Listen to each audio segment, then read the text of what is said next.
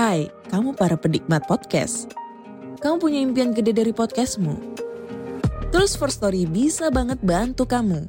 Mulai dari F-Link, Dynamic Audio Insertion, sampai statistik yang komprehensif. Semua ada di First Story. Gak ketinggalan kamu bisa monetisasi podcastmu lewat iklan dari First Story Ads yang bisa kasih kamu penghasilan dari setiap place podcastmu. Yuk gabung sekarang dengan klik di firststory.me. Sekali lagi, klik di firststory.me. Mari kita bawa mimpi podcastingmu menjadi kenyataan. Halo para pendengar, apakah kalian pengen membuat podcast seperti saya tapi bingung mulai dari mana? Nah, saya membuat podcast ini dengan First Story, sebuah platform untuk membuat podcast yang UI-nya keren, lengkap, mudah digunakan, banyak fiturnya dan 100% gratis. Di sini kalian bisa upload episode podcast kalian ke semua platform podcast terkenal tanpa ribet. Menariknya lagi, di First Story kalian juga bisa melakukan monetisasi podcast kalian melalui iklan. Jadi tunggu apa lagi? Gapai potensi maksimal podcastmu dengan tools dari platform podcast terbaik bagi podcaster yang tersedia saat ini. Yuk, bawa mimpi podcastingmu menjadi kenyataan dengan mendaftar di firststory.me.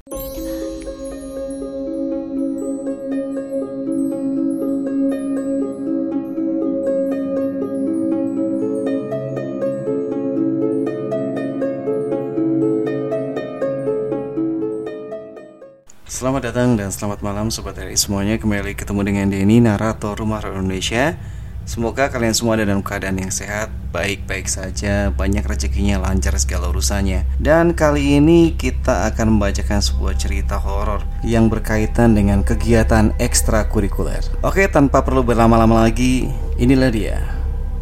Ruang Kesenian. Namaku Ferdi. Aku sekolah di salah satu SMA negeri di kota Bandung.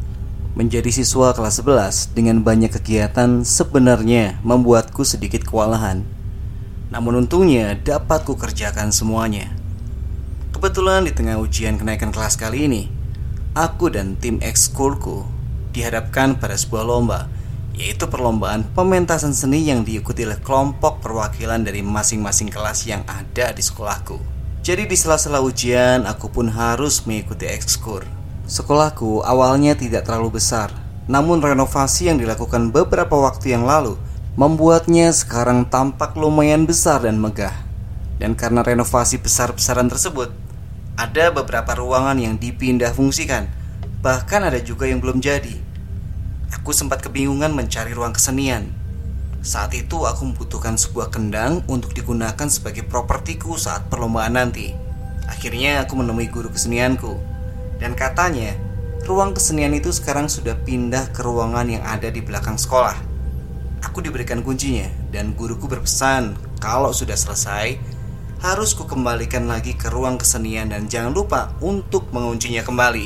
Lalu aku pun mengiyakan. Aku bergegas menuju ruang kesenian dan membuka kunci ruangan itu. Di sana terlihat alat-alat gamelan tersimpan kurang rapi. Aku pun sempat kesulitan ketika mencari kendang tersebut, yang ternyata berada di sudut ruangan dekat sebuah gong. Aku pun segera mengambilnya dan bergegas keluar dari ruangan itu dan mengunci ruangannya kembali. Keesokan harinya, perlombaan pun dimulai. Dan alhamdulillah semuanya berjalan lancar dan sekitar jam 8 malam semuanya berkumpul untuk pengumuman pemenang. Tak disangka, kelompokku menang waktu itu dan kami pun bersorak gembira. Setelah mengurus administrasi, kami pun boleh pulang. Namun beberapa orang termasuk aku harus membenahi dulu peralatan bekas pentas tadi dan mengembalikan properti yang dipakai ke tempatnya semula. Karena ingin cepat pulang, dengan setengah berlari aku menuju ke ruang kesenian untuk menyimpan kendang yang aku pinjam kemarin. Suasana lorong belakang sekolah itu saat itu sudah gelap. Hanya ada satu lampu di ujung lorong yang menyala. Itu pun tidak terlalu terang. Aku lalu membuka kunci ruang kesenian itu dan mencari-cari saklar lampu di ruangan itu. Namun setelah kuhidupkan saklarnya, lampu ruangan itu tetap tidak mau menyala.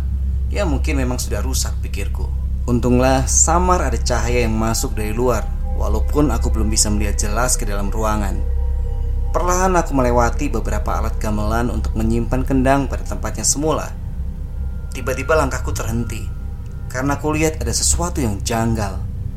Di ujung ruangan ini, tepatnya di sebelah gong, aku melihat seperti ada sesuatu tengah berdiri di sana. Dan salah satu tangannya bersandar di atas pijakan gong. Wajahnya tidak terlalu jelas. Yang aku lihat hanyalah sesosok bentuk manusia tinggi besar yang sedang berdiri. Sosok itu kemudian perlahan mulai bergerak.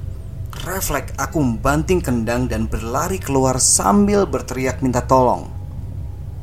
Ketika sampai di depan, teman-temanku yang masih berada di sekolah terlihat heran ketika melihatku berlari sambil berteriak-teriak. Mereka kemudian bertanya, dan aku pun menceritakan semuanya. Karena penasaran, aku bersama teman-temanku beramai-ramai kembali ke ruang kesenian itu sambil membawa senter. Namun setelah sampai, di sana tidak ada apa-apa. Tidak ada seorang pun di ruangan itu. Aku langsung mengunci ruangan itu dan kami pun bergegas pergi.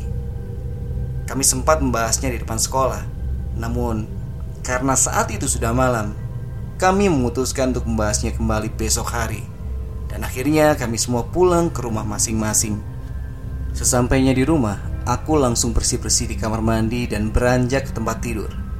Aku meregangkan otot-ototku sejenak sambil rebahan dan memainkan HP. Suasana rumahku saat itu sudah sepi, dan kulihat Jam sudah menunjukkan pukul 11 malam. Rasa kantukku mulai datang.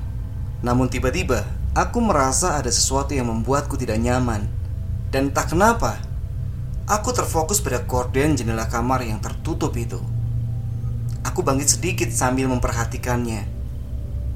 Terlihat ada sesuatu yang menyembul. Seperti ada sesosok tubuh yang berdiri di balik gorden jendela kamarku itu.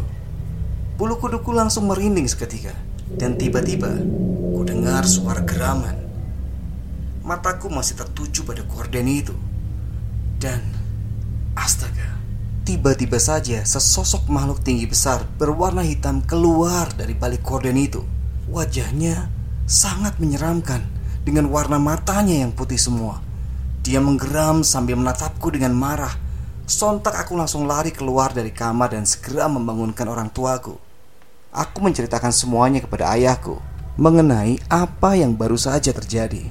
Ayahku bertanya apa saja yang aku lakukan seharian itu. Ketika aku menceritakan tentang ruang kesenian itu, ayahku langsung menegurku bahwa alat gamelan itu tidak boleh dilangkahi, apalagi sampai membantingnya, karena alat gamelan itu dinilai sakral dan tidak bisa diperlakukan sembarangan. Tapi untunglah di hari berikutnya tidak terjadi sesuatu yang menyeramkan lagi. Namun peristiwa itu menjadi sebuah pengalaman seramku yang tidak bisa kulupakan hingga sekarang. Ya itulah dia penghujung dari cerita kita di malam hari ini.